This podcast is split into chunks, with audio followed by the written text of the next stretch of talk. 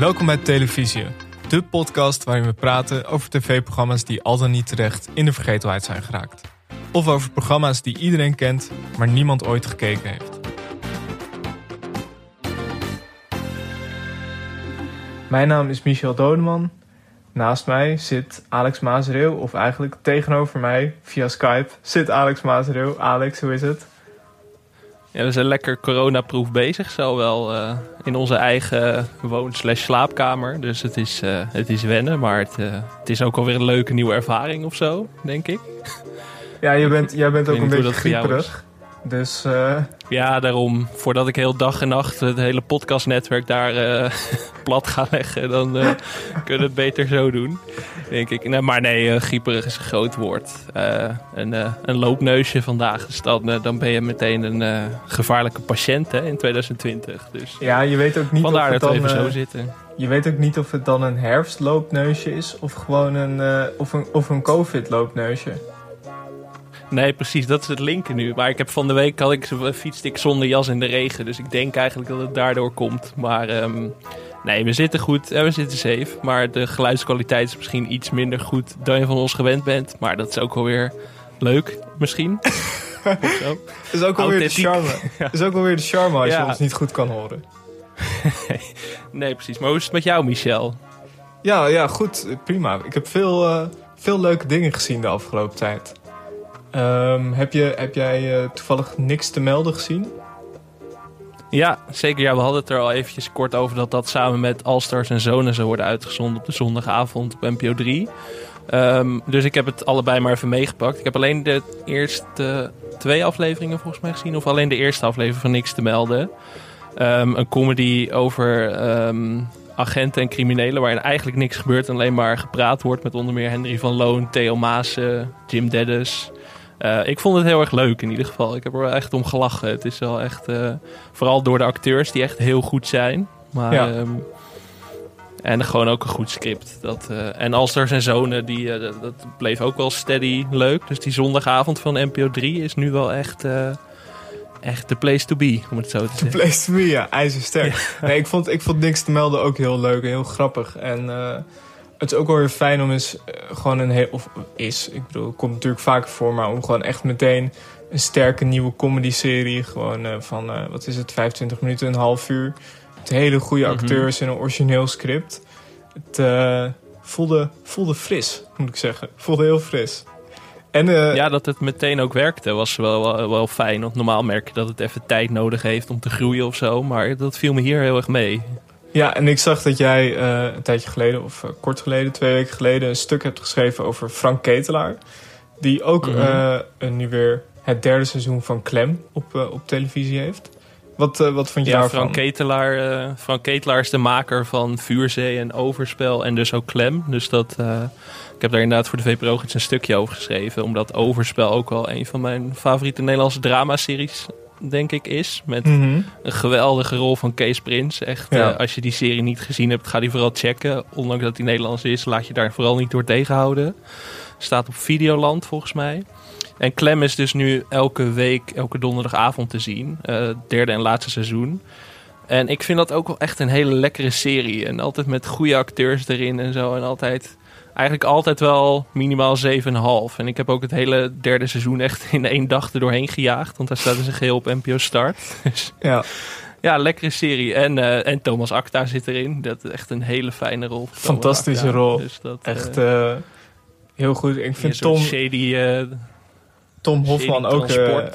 ja, Tom Hofman ook een hele fijne fijne rol. Gewoon classic Tom Hofman. Altijd die, die rechterwenkbrauw zo omhoog. Nee, heel, heel fijn. Ja. Maar dat kan hij wel echt heel goed. Dat is wel echt gewoon fijn. Echt die hele, zo'n charmante bad guy. Dat is echt, dat kan hij echt zo goed. Maar jij hebt de eerste aflevering gezien of de eerste twee? Ik heb de eerste twee afleveringen gezien. Ik vroeg me af, heeft Tom Hofman ooit een rol gehad waarbij hij geen pak draagt? Uh, in Zwartboek misschien of zo. Dat was een Tweede Wereldoorlog film. Dus ik weet niet of hij daar ook in driedelig pakken rondliep. Um, even kijken. Ja, verder, ja, Dr. Tines was hij natuurlijk ook altijd in pak. Uh, dat is het eerste wat me nu te binnen schiet. Ja, wel echt een pakacteur in die zin, hè? Zou ja. je kunnen zeggen. Wenkbrauwacteur en pakacteur. Nee, nee, ik weet het niet. wat ik trouwens ook nog gezien heb, is ook wel leuk om te zeggen, want het is ook wel een unicum. Um, van de week bestond Goede Tijden, Slechte Tijden bestond 30 jaar. Dus ik las een interview met, uh, met Jetter van der Meij in de Volksstand, die Laura speelt in de serie. Die doet dat al 30 jaar ook. Gewoon, die is er vanaf het begin al bij. Dus toen dacht ik van, nou, laat ik me eens even over mijn eigen twijfel heen zetten. En laat ik het eens gaan kijken weer. Dus ik heb, het, uh, ik heb GTST weer eens gezien. En dat is ook wel een uh, fascinerend tripje door het Nederlandse televisielandschap, hoor. Om het zo te zeggen. Ja, er zitten ook veel, veel legends in. Veel televisie-legends. Ik zag Cas Jansen voorbij komen, die daar nu blijkbaar in speelt. Um, Johnny Krijkamp junior speelt erin natuurlijk. Van het mm Zonnetje in Huis vroeger en zo. Die, uh, die loopt erin rond. En uh, Ludo Sanders was er is waarschijnlijk dood. En die, uh, dat is waarschijnlijk de achtste keer inmiddels. Maar nee, het, het was een leuk experiment. Maar ik weet niet of ik het door ga zetten. Ik denk, ik ga weer eens kijken hoe, hoe de vlag ervoor hangt in hoe heet dat stadje waar in Meerdijk. In Meerdijk. Ja, het is toch goed om even te kijken hoe het gaat met de personages. Maar het hele ding was met, met GTST dat ze het uh, wat herkenbaarder voor, voor de, de Nederlandse kijker wilden maken. Uh, wat mm meer, uh, ja, wat dichter op, op, op de normale Nederlander. Is dat een beetje gelukt? Of, Nou, ik weet niet of ik mezelf moet klassificeren als de normale Nederlander, maar um, moi, weet ik niet. Het, uh, ik had niet meteen het gevoel van dit is Nederland. Of uh, als ik naar GTSD keek. Maar misschien ligt dat ook aan mij. Dus uh, nee, het, ik, ik ben blij voor de mensen dat het er al 30 jaar is. En als we GTSD-fans onder onze luisteraars hebben, dan nou, meld je, zou ik zeggen. Ik ben wel benieuwd eigenlijk hoe lang je dan al kijkt en waarom. En of Ludo Sanders weer leeft binnenkort, want dat wil ik natuurlijk wel even weten. Ik wil wel op de hoogte gehouden worden in dat opzicht. Maar goed, uh, dus dat heb ik ook nog gezien. Dus ik heb echt inderdaad uh, even lekker veel Nederlands drama er doorheen gejast de afgelopen tijd. Van Meerdijk is natuurlijk een kleine stap naar Frans Fort, waar bekende Nederlanders een, uh, ja, een spelshow daaraan deelnemen. Ik heb verder ook helemaal geen zinnige, geen zinnige bruggetje naar, naar het programma dat we vandaag gaan bespreken. We gaan het hebben over Fort Boyard. Misschien is het goed om eerst even te luisteren naar het intro. Dit is Fort Boyard.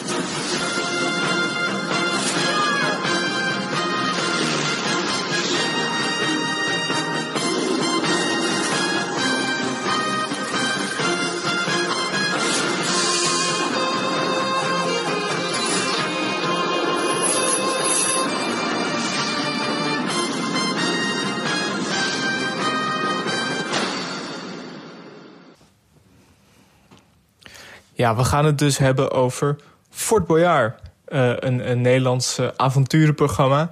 Vroeger heette het uh, De Sleutels van Fort Boyard.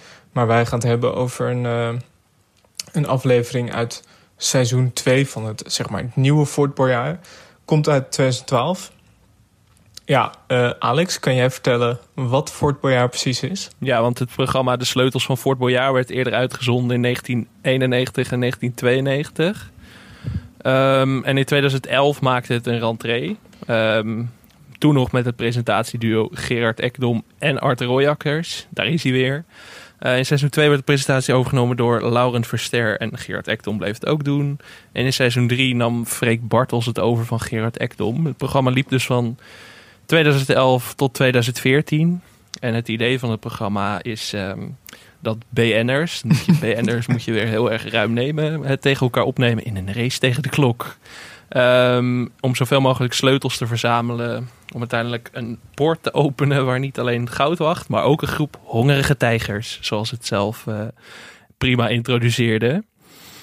Ja, en, en Fort Boyard uh, is ooit door Napoleon neergezet aan de, uh, bij de Franse kust als een verdedigingsfort. En heeft ook dienst gedaan als gevangenis.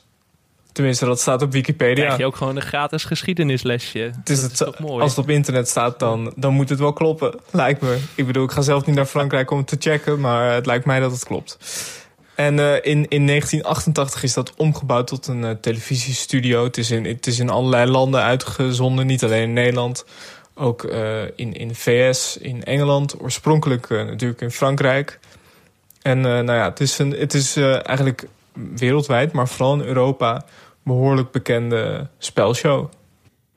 Ja, vooral in Frankrijk ook. Hè. In Frankrijk is het echt een extreem populair programma. Daar is het volgens mij inmiddels al 30 seizoenen op tv. 30 seizoenen al? Als ik me niet vergis. 30 seizoenen, volgens mij iets van ja, gewoon 30 seizoenen. En ik, waarom ik er ook aan moest denken is dat um, Jordi Amali de Vef, die zei ooit op Twitter, had hij ons getagd in iets van dat de Franse bekerfinale moest wijken voor, voor het bojaar, volgens mij. En die zei ook van, uh, tijd dat jullie daar eens in gaan duiken. Uh, en toen ging ik dat opzoeken. En toen bleek inderdaad dat de Franse bekerfinales uh, niet op zaterdagavond gespeeld konden worden. Puur omdat Fort Boyard dan. Ja, ik las ook wordt. dat, dat, dus dat Adil Rami, Rami, ik weet niet of ik zijn naam goed uitspreek, uh, Frans International, die is ook wereldkampioen geworden met Frankrijk. Uh, dat die ooit weggestuurd is bij zijn club Olympique Marseille, omdat hij stiekem meedeed aan Fort Boyard en daar allerlei capriolen uithaalde, terwijl hij uh, dus niet op zijn club was. En daar waren ze not amused over. Ja, hij is dus ja, hij is echt ontslagen. Maar dat zegt ook wel veel over zeg maar, de waarde van, van, van Fort Boyard of de status van Fort Boyard dat voetballers bereid zijn om een miljoenencontract op het spel te zetten om mee te kunnen doen. Blijkbaar. Ja, maar dacht hij dan dat, hij, dat het niet op zou vallen of zo? Dat hij mee zou doen? Of eh, hoe had hij dat voor zich gezien dan? Dat hij, dat hij ineens een paar dagen vrij had genomen of zo? Ja, het komt toch op tv, dus het lekt toch altijd uit? Ja, je zou, je zou zeggen van wel, maar uh, je weet niet wat er allemaal omgaat in het hoofd van uh, Adil Rami. Maar goed, dan gaan we het straks... Hij had eh, toch een relatie met Pamela Anderson ook? Ja, ja zeker. Sla ik te veel zijpaadjes in? Nee, nee, nee. Het is goed dat je het even zegt. voor de, toch een belangrijk punt Voor de boekhouding is dat uh, goed om te weten. En we hebben dus gekeken naar een uh, aflevering uit 2012. En het waren twee teams die tegen elkaar streden. Uh, dat waren teams van... Er was een team van bekende kinderen. Of kinderen van. Met Lola Brood Trey Hazes, Roxanne Hazes en Dave Roelvink. En er was een team van uh, bekende dansers.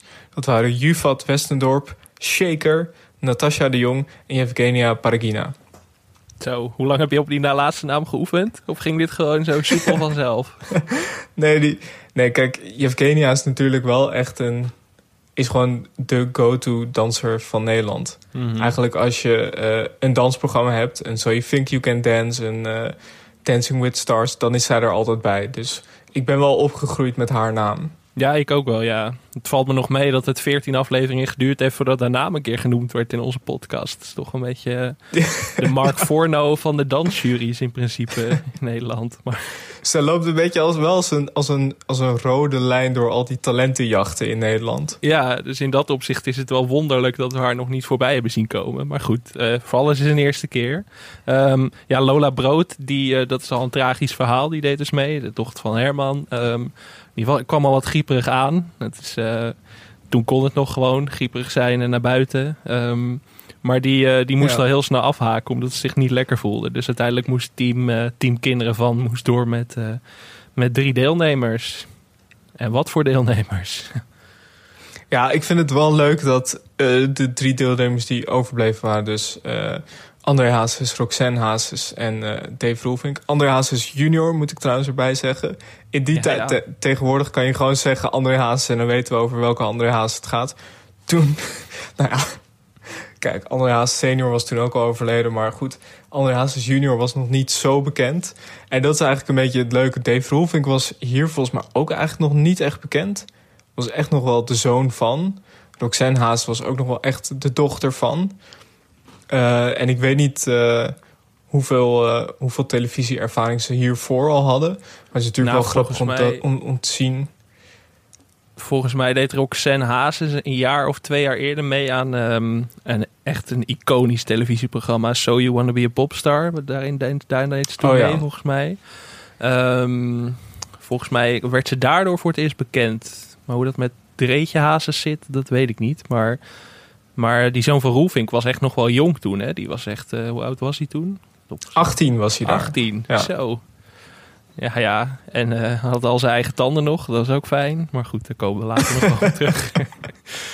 nee, we, hebben, we hebben trouwens ook uh, we hebben de fragmentjes waar ze, waar ze voorgesteld worden. Of tenminste, die van Dave Roelvink kunnen we even naar luisteren. Daarna ah, misschien ook nog even naar die van... nou, laten we beginnen met Dave. Hij is 18 jaar oud, heeft geen gele zwembroek en kan ook niet zingen als zijn vader, Dave Roelvink. Maar hij staat wel aan het begin van een internationale modellencarrière. Hij sport vijf keer per week en hij houdt wel van een uitdaging. Ik vind het leuk om dingen te doen uh, die je eigenlijk niet durft, maar toch te doen. Daarom doe ik mee. Ik vind het leuk om dingen te doen die ik niet durf, maar toch doe. Ja, lekker hoor. Nee, het idee is dus um, dat ze heel veel wilde opdrachten doen, waarbij opvallend vaak insecten eraan te pas komen. Insecten of, uh, of slangen. Of, uh, dat um, ja. vond ik nogal. Uh, het was bij Vlagen heftig. Roxanne Hazes die moest echt door allerlei boksen met haar hoofd, waar allemaal rupsen doorheen liepen en gekke vliegen. En kwamen heel veel spinnen, grote spinnen aan te pas. Dus het was wel. Je deed niet mee aan Fort Boyard voor de lol, laten we het zo maar zeggen. Nee, dat, het viel mij ook op. Ik, ik, ik had, nou ja, ik weet niet, ik heb het uh, vroeger wel eens gezien. Nooit, uh, nooit heel fanatiek gevolgd. Maar in mijn hoofd was het meer, meer behendigheid. Mm. Maar het was inderdaad veel, veel insecten.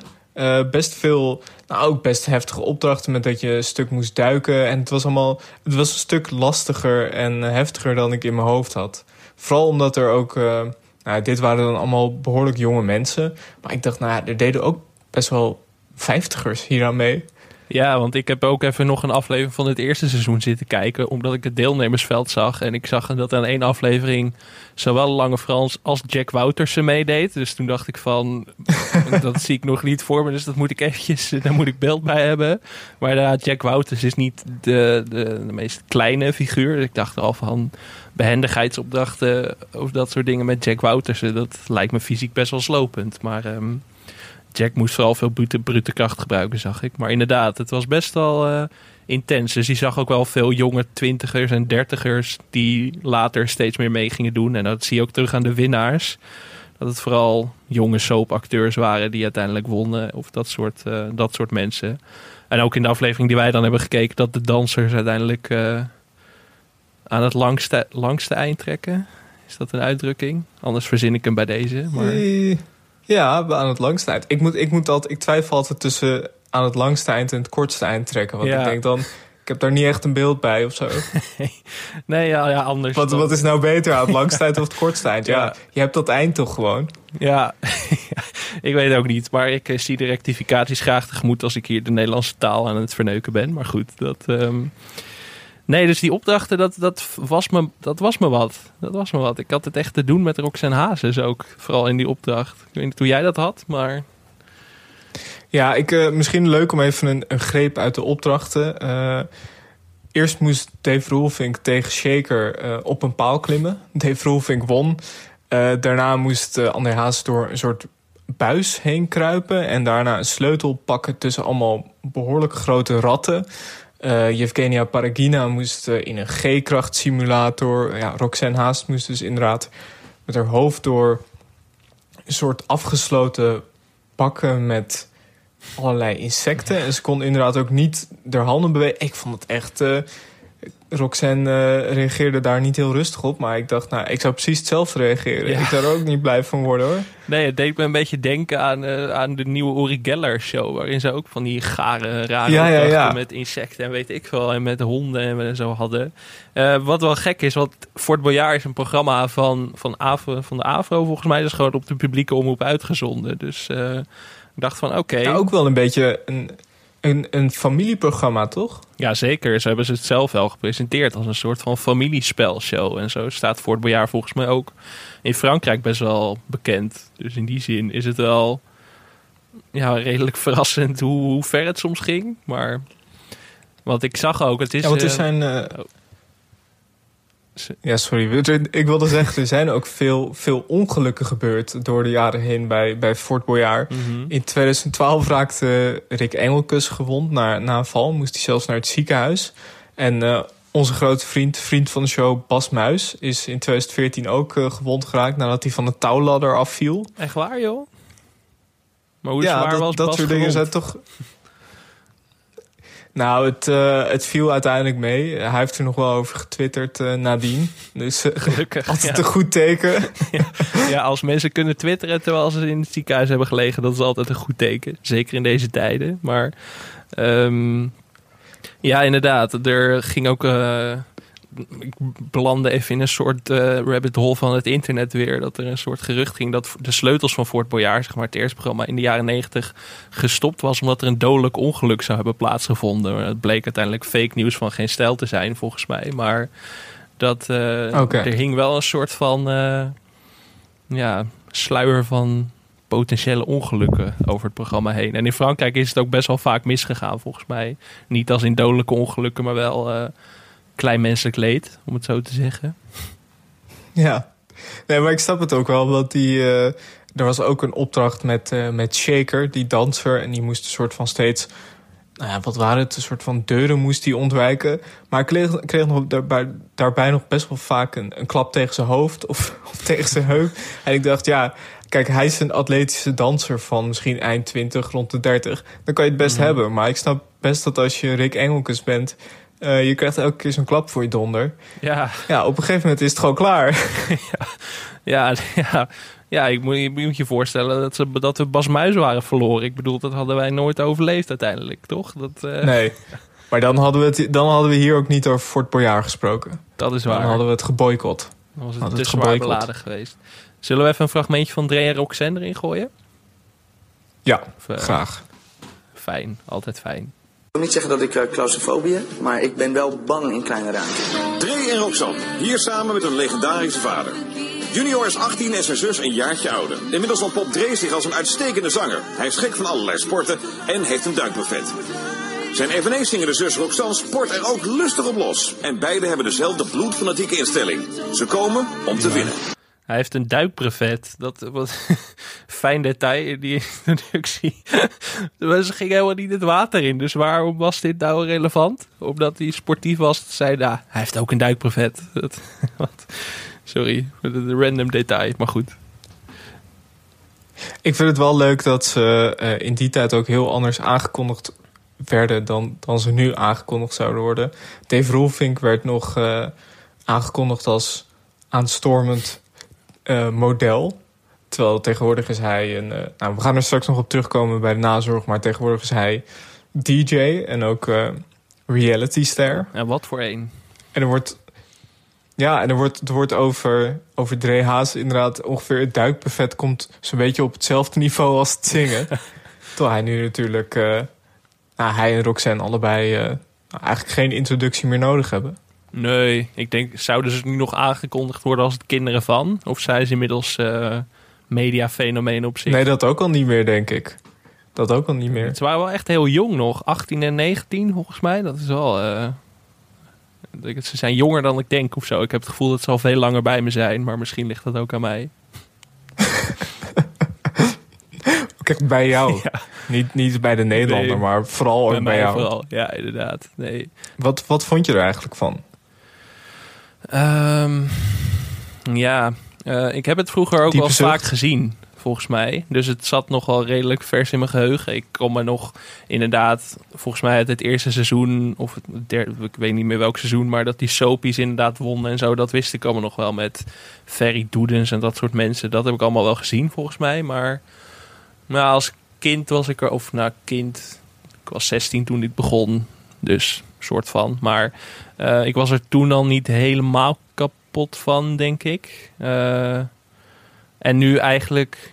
Nou, ik vond, ik vond het vermakelijk. Laat ik het uh, kort maar krachtig houden. Um, kritische inleiding. Ja. Echt kritische inleiding. Ik dacht, waar gaat het heen? Ja, ja, ik ben er niet helemaal uit nog. Misschien is dat waarom ik zo aan het hakkelen ben. Maar uh, wat vond jij ervan? Misschien heb jij een, uh, een helderder mening. Nee, ik vond, het, ik vond het op zich wel leuk. Het valt mij op dat uh, dit soort avonturenprogramma's redelijk tijdloos zijn en de tand destijds goed doorstaan. Mm. Uh, maar wat ik, ik vond het wel best, nou, ik heb het net al gezegd, ik vond het best heftig, al die opdrachten met al die insecten of zo. En ik vond dat niet per se. Ik vond die behendigheidsopdrachten uh, vond ik best wel leuk om naar te kijken. En een beetje dat door die, door die ringen zwaaien en, en zo'n, wat was het? Zo'n uh, paal opklimmen. Dat vond ik allemaal best leuk om te zien. Maar ja, om dan te zien hoe iemand met haar hoofd door allemaal bakken met insecten gaat. Ja, dat doet me niet zo heel veel. Nee, misschien is dat het ook wel bij mij. Kijk, maar die behendigheidsoefening of zo, dat heb ik ook wel, ook wel vaker gezien in programma's als Expeditie Robinson en zo. Vliegen dat soort opdrachten ook wel weer om de oren of zo. Dus misschien. Ehm, maar ja, ik, ik werd er ook gewoon inderdaad een beetje naar van met al die insecten. Vooral bij die Roxanne Haas. Ik echt dacht van. Ik weet niet of ik het nou leuk vind of zo. Zeg maar je hebt natuurlijk wel een maat van van exploitatie die soms leuk kan zijn met BN'ers. Ik bedoel, als Patty Bart van de duikplank springt, dan kan het leuk zijn. Maar ik vond Roxanne Hazes met haar hoofd door allerlei insecten nou niet per se dat ik dacht van... Hé, leuk om naar te kijken, gezellig familieamusement met natte haartjes op de bank. Als je begrijpt wat ik bedoel. Nee, het was, het was geen, uh, geen hole in the wall waarbij uh, Hans Kraai junior vol tegen zo'n muur aanloopt en dan in het water valt. Kijk, dat, dat, is gewoon leuk. Wel. Ja, dat is gewoon leuk. Dat kan wel. Nee, maar dat is, dat is het ook een beetje dat ik. Er was ook een andere opdracht met, uh, met hele grote spinnen. Ik had meer medelijden dan, dan dat ik echt dacht: oh, wat een heerlijk uh, ja. zaterdagavond amusement. Ik ja, vond het op precies. zich nog steeds leuk om te kijken. Um, maar ja, nee, ik, vond, ik vond het gewoon wel leuk om te kijken. Maar ik vond het niet zo leuk als bijvoorbeeld Spel zonder Grenzen. Nee, precies. Want kijk, je hebt ook met BN'ers of zo het is best leuk als BN'ers voor lul staan omdat ze iets doen dat ze niet kunnen. Maar inderdaad, als ze een soort van moeten leiden, dan moet het wel leuk leiden zijn. Dat klinkt, uh, dat klinkt raar, maar... Zoals Wim Kief die een geit ja, moet dragen. Ja, dat is wat ik wil zien. Maar ik hoef niet per se te zien dat, dat een jong meisje met haar hoofd door een insectenbox gaat of zo. Misschien dat dat een beetje mijn afkeer van het programma was. Wat het denk ik ook een beetje is. Um, wat ik zelf een beetje miste, was de chaosfactor. Mm. Laten we zeggen, de Ron Boshart factor. ja. Gewoon Ron Boshart die er tussendoor rent en vragen stelt. Zo. Kijk, het zijn natuurlijk hele... Um, die opdrachten zijn allemaal best wel duidelijk afgekaderd van elkaar. Mm. En het is ook vaak zo dat je niet per se tegen elkaar hoeft te strijden... maar dat je in je eentje strijdt. Uh, er zijn ook opdrachten waar je wel tegen elkaar moet. Maar het grootste gedeelte is dat je eigenlijk in je eentje iets moet doen. En ik denk dat ik dat een beetje miste. Het, het competitieve en een beetje soort van ja, de chaos of zo. Het, het was, uh, ja. viel voor mij, het was voor mij heel ordelijk. Ja, het, was bij, het is bijna een, een droom uh, in deze tijd. Heel COVID-proof in die zin. Want je bent heel vaak inderdaad alleen. Ja. Uh, je bent heel erg aan social distance. En er was nooit echt strijd tussen de deelnemers of zo. En dat, nou, daar heb je al een punt. En wat me ook een beetje tegenstond. Ik vond ja, jij zegt van het had wel wat Ron Boshart kunnen gebruiken. Ik vond de presentatoren of de teamcaptains, Laura Verster en Gerard Ekdom in dit geval ook niet per se heel erg leuk of zo. Het voelde een beetje, het voelde een beetje Wie is de Mol-achtig. Uh, in de zin van best wel zakelijk gepresenteerd. Mm -hmm. Ik dacht, daar moet je gewoon twee spelletjes mensen op hebben. Ja, ik bedoel... ja, ik bedoel... Jack van Gelder, Ron Boshart. ja, Bas Muis. Bas Muis. Ja, dat was een goede geweest, Bas Muis. Nee, maar misschien was dat met Art Royakkers of uh, Freek, uh, Freek Bartels beter. Maar nee, ik vond het een beetje, een beetje tam allemaal. Ik had inderdaad wat meer chaos gewild. Een beetje de Gerard Joling factor misschien erin gooien. Of, uh, of een vleugje rond. Ja. Daar is elk programma uiteindelijk een vleugje, Een vleugje Uri Geller misschien. Dat, die had ook niet misstaan in dit programma als jurylid. Maar dat... Maar goed, ik moet, ik moet zeggen, nu, nu klink ik misschien iets te negatief. Want ik vond het, ik vond het wel vermakelijk. En het was uh, een programma van 50 minuten. En die 50 minuten zijn heel snel voorbij gegaan. Ja, dus in die zin uh, was dat positief. Ja, het is ook niet uh, zo. Het was natuurlijk ook niet alleen maar met insecten. Nee, het is ook niet zo dat ik echt 50 minuten heb zitten lijden op de bank dat ik dit moest kijken hoor. Maar het was gewoon we hebben wat kritiekpuntjes, misschien is dat het meer. Maar dat is ook alweer dat ik dacht van... Verbeterpuntjes met terugwerkende kracht voor acht jaar geleden. Ja, als ze een nieuwe versie gaan maken, jongens, neem het mee. Nee, nee ik vond het ook wel weer... Het, het was zeker wel vermakelijk. Dat, uh, ja. dat moet gezegd. Ik denk, uh, ik wil, waar ik me het meest op heb verheugd, is het blokje nazorg. Ja, Zeker met dit prachtige deelnemersveld. Want nou, laten we beginnen met, met de dansers. Wat ik persoonlijk heel leuk vond, ik zag uh, Juvat Westendorp. Mm -hmm. uh, toen nog gewoon danser. En toen dacht ik, wacht eens even, waar ken ik die van? ja, ja. En toen zocht ik hem op. En toen zag ik op Wikipedia dat hij uh, in het onvolprezen Onze Jongens heeft gespeeld. Ja, de Nederlandse Magic Mike met Jim ja. Van Johan Nijhuis. Ik dacht, ja, ja, ik heb die film niet gezien, maar daar ken ik hem wel van, van de trailer. En hij heeft ook in, volgens mij, Gooise Vrouwen heeft hij ook een rolletje gehad. Hij heeft, hij heeft best veel gedaan eh, op acteergebied. Maar dat is allemaal na Fort Boyard gekomen. Dus dat is eigenlijk zijn doorbraak geweest, in die zin. Eigenlijk wel een beetje, ja. ja, ja. Zo. Ja, ik moet zeggen, van de andere dansers... eh ja, Evgenia dan wel, maar die andere twee... eh, ik kende ze niet. Jij wel? Nee, ik zit ook niet heel eh, diep in de danswereld. Maar ik had ze even opgezocht. En ze zijn allebei nog steeds eh, wel actief als, eh, als dansers. Shaker en Natasha de Jong. Ja, die daar dansen nog gewoon en die hebben verder niks, niks van relevantie gedaan. Of wel? Nou, nou noem het maar niks. Ik, ik weet niet genoeg van dansen om dat, om dat te beoordelen. Maar ze hebben in ieder geval, ik heb ze op televisie, heb ik ze de afgelopen jaren niet, niet veel meer gezien. Maar dat was natuurlijk ook, misschien kunnen we het daar nog even over hebben. In die tijd had je heel veel dansprogramma's. Je had eh So You Think You Can Dance. Je had allerlei van dat soort, ik kan er precies één noemen. Maar je, je, je had allemaal van die, van die Dancing with the dans... Stars. Dancing with the Stars. Nee, je had uh, so, You... Nee, wacht, dat So You Think You Can Dance. Je had er nog, nog zo'n soort dansprogramma van een paar jaar geleden. Nou ja, Dance, het heeft Dance, allemaal verschillende... Ja, Dance, nog. Dance, Ja. Dance. Nou, je hebt allemaal verschillende dansprogramma's eh, met verschillende namen. En het komt altijd min of meer op hetzelfde neer. Maar dat is een beetje, gaan, dat is een beetje geluwd tegenwoordig. Ja, dus dan zijn die beke- BD'ers, bekende dansers, ook meteen natuurlijk eh, een stuk minder populair. Dus dat, eh, dat verbaast me niet. Maar goed, laten we vooral naar de, de team Kinderen van gaan. Want daar, daar heb ik van zitten spelen Ja. hoor. Ik bedoel, dat was het allemaal waard al om dit programma te bespreken. Want eh, nou, ik heb mezelf weer helemaal op de hoogte gebracht van de, van de ruzie tussen André en, eh, of Dreetje en Roxanne. Dat eh, ging En? natuurlijk Hoe gaat dat helemaal nu? niet goed. Maar ze hebben het weer bijgelegd inmiddels. Ehm, Oké. Even het eh, blokje shownieuws hier in, de podcast. Nee, maar ze hadden enorme ruzie over de, over de veel oudere vriendin van André Hazes. Dus Roxanne en haar moeder Rachel, Rachel. Ik weet nooit wat het is, maar dat is verge- Weet jij dat wel, als uh, Hazes-kenner? Volgens mij, volgens mij eh, Rachel. Rachel. Maar was, was Rachel boos over, over Monique of over Bridget? Over Monique, toch? Over Monique, ja, inderdaad. Ja. Oké. Maar goed, de ruzie is inmiddels bijgelegd, dus gelukkig maar. Ik bedoel, ik, ik weet niet of ik er anders van had kunnen slapen, maar het is allemaal weer goed. Dus dat is fijn. Ehm, ja, en dan, eh en dan Roelvinkje. Dave. Dave Roelvink, ja, die is eh, eh, eh, DJ. En hij heeft dus nieuwe tanden. Ja, waar heel veel hij had nieuwe tanden. En hij is natuurlijk, eigenlijk is hij... hij is ook een soort influencer eigenlijk, toch? Ja, ik geloof het meteen. Ik moet zeggen, ehm, ja, hier gaat Boomer aan het woord weer. Maar is hij op Instagram heel populair of zo? Of waar, waar kunnen we Nou, dat denk ik wel. van kennen? Nou, ja, hij, hij heeft natuurlijk samen met, eh, met Donnie en Dries...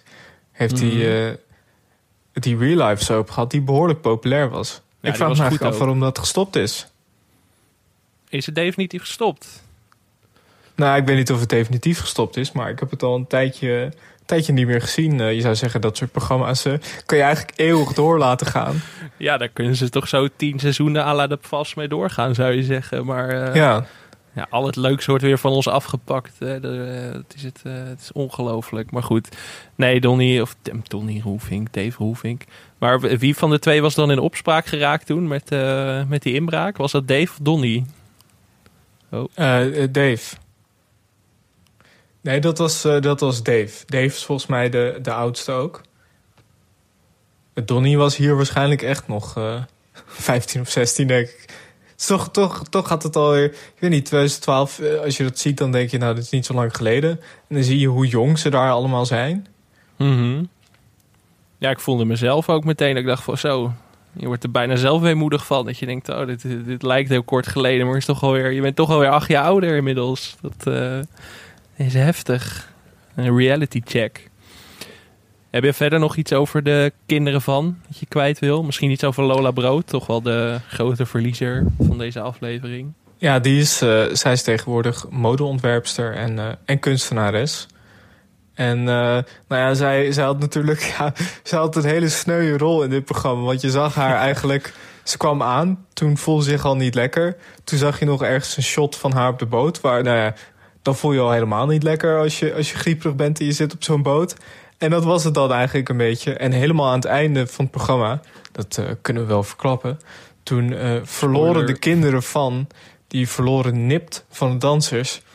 En toen, uh, toen werd er ook volgens mij door, door Dre Haas gezegd... ja, als Lola erbij was, dan hadden we het makkelijk gewonnen.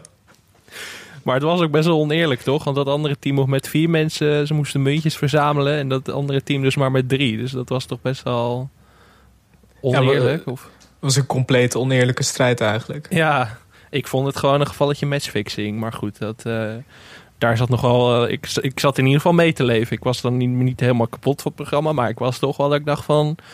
Hier is iets niet in de haak. Hier uh, moet de VAR aan te pas komen. Maar, maar wat, wat, hoe, hoe vind je dat Tand destijds heeft doorstaan? Ehm, nou, we hebben, het er, we hebben het over die insecten gehad natuurlijk. Ik denk dat je dat, dat er nu een Twitter-stormpje over zou komen. Misschien wel. Ligt eraan wie het is misschien. Maar nou, ja. ja, er zijn misschien wel een paar BN'ers waarvan ik zou zeggen... daar zou ik het misschien minder erg vinden. Maar goed, dat... Um, nee, ik denk dat het de tand destijds, het programma aan zich... Nou, kijk maar naar het succes in Frankrijk. Daar is het best wel een groot fenomeen. Dus ik denk dat je dit prima weer op de buis zou kunnen brengen... volgend jaar bijvoorbeeld of zo. Denk je niet? Ik vind het, uh, ik vind het concept eigenlijk wel heel leuk. En ik vind ook het... Uh het idee, zoals ik al zei, nou ja, dat zou je nu nog steeds kunnen hebben, dit soort avonturenprogramma's. Dat, dat valt me echt op of het nou uh, Spel zonder grenzen is, of ook toch wel Hole in the Wall, of ook programma's zoals bijvoorbeeld Wipeout of Takeshi's Castle. Het is allemaal nu niet, niet per se populair, in de zin van dat je het heel veel ziet nog. Maar ik denk dat het makkelijk nog zou kunnen op tv. Ja, dat denk ik ook. Dus, maar het is volgens mij in de jaren 90 toen gestopt omdat het veel te duur was. Ik weet niet of dat ook de aanleiding was in 2014 toen het derde en laatste seizoen werd uitgezonden.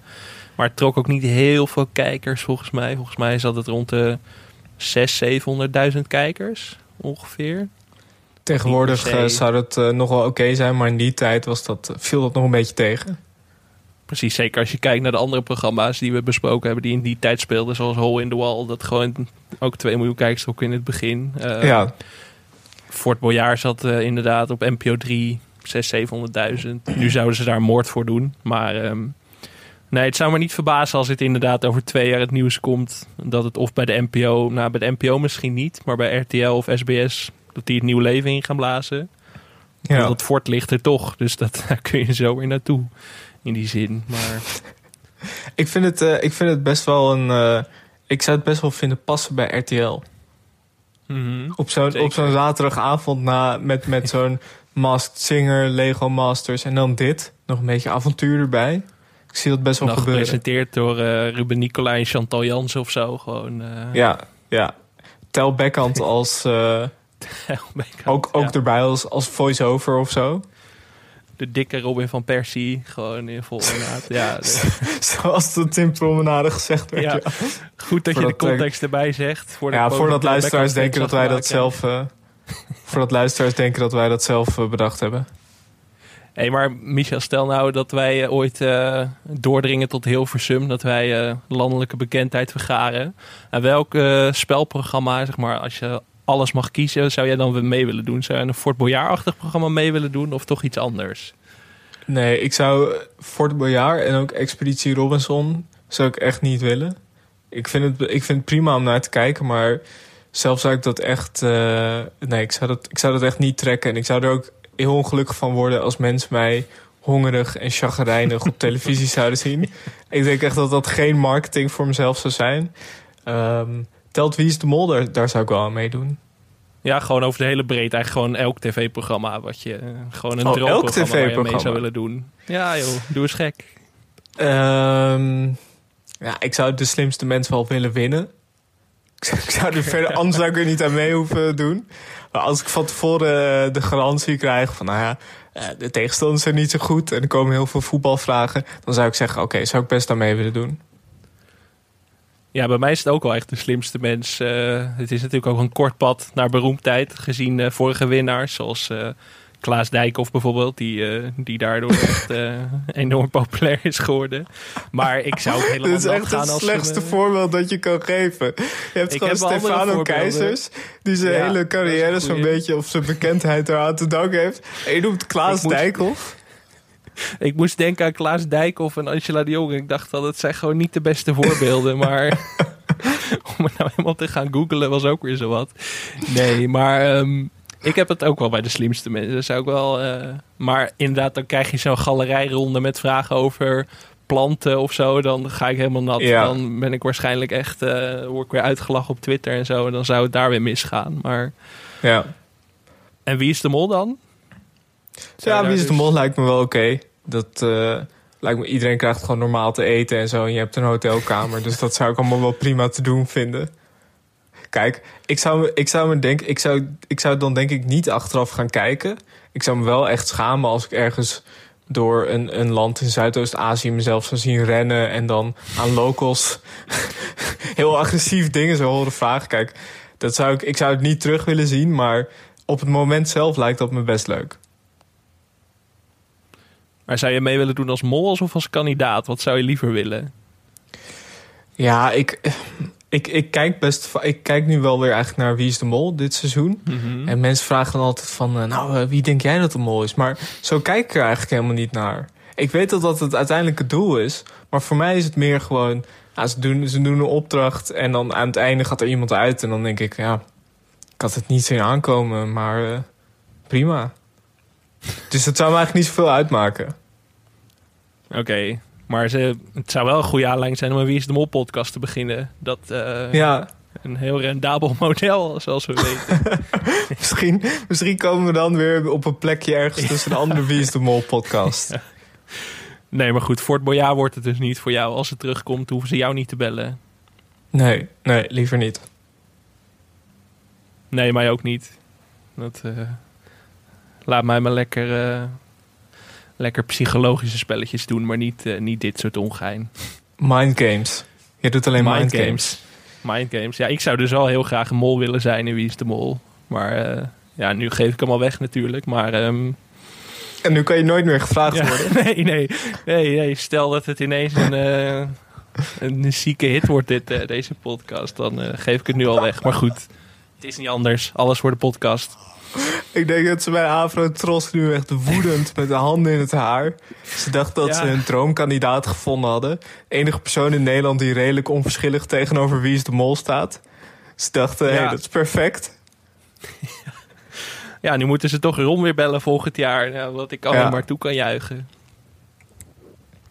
Ik, eh, ik denk dat we aan het einde zijn gekomen van deze podcast. Vond je deze podcast leuk? Laat een recensie achter op iTunes. Vooral voor Alex, hè, man van de recensies. Ja, het loopt Hij een leest beetje stil de laatste weken. Dus in die zin eh, wil ik hierbij echt een... eh, ja, echt een... eh, uit, met heel mijn hart oproepen om een recensie te plaatsen. Want het, het ligt een beetje stil. En we moeten uiteindelijk die Wie is de Mol podcast verslaan. Ik weet het, er zijn er een stuk of acht. Dus de concurrentie is fors. Maar hè, doe, doe ons een plezier. Maak, er- maak onze week goed. Of zo. En eh, dit is een eh, emotionele oproep van, eh, van Alex om eh, alle Wie is de Mol podcast eh, te verwoesten. Voor mij hoeft dat, Dat, niet. is wel waar. Ik zou ook gewoon Nee. op gelijke hoogte willen komen. Maar goed. Veel dank aan eh, Dag en Nacht Media, aan Studio Cloak voor tune en aan Weidse Valkema voor de illustratie. Wij zijn te vinden op Twitter en Instagram via televisiepod. Je kan ons ook een e-mail sturen via eh televisiepodcast.gmail.com. Dus eh, als, je, als je zelf een eh, inspiratie hebt voor ons en je hebt een Ja. programma waarvan je denkt, je wil dat we dat gaan bespreken, dan je wil iets zeggen? Ja, dat klopt. Je hield je hand zo voor Nee. het beeld. Nee, we hebben in een van de vorige afleveringen een mail genoemd van Ferdy den Butter. Dus die wilde ik nog even noemen. Want die, ehm, die mailde ons eh, dat hij dat die blij was met de podcast. Altijd fijn om te horen. En die tipte ook een aantal programma's zoals Peter de Vries Misdaadverslaggever, Kinderen Geen Bezwaar en Kees Co. Ehm, dus dat eh, lijken me alle drie fantastische suggesties. Als het eh, gaan op de lijst. Vooral die van Peter R. de Vries vind ik echt een hele goeie. Daar had ik helemaal nog, nog niet aan gedacht. Dat is ook een genre dat we nog niet gehad hebben. De, de misdaadprogramma's. Daar moeten we eens even een deep dive in gaan nemen binnenkort. Goedenavond. Heel leuk. Heel leuk. Gaan we binnenkort doen. Ja, misschien moeten we hem op Peter de Vries eh, afsluiten. Goedenavond. Goedenavond. Tot de volgende keer. Tot de volgende keer.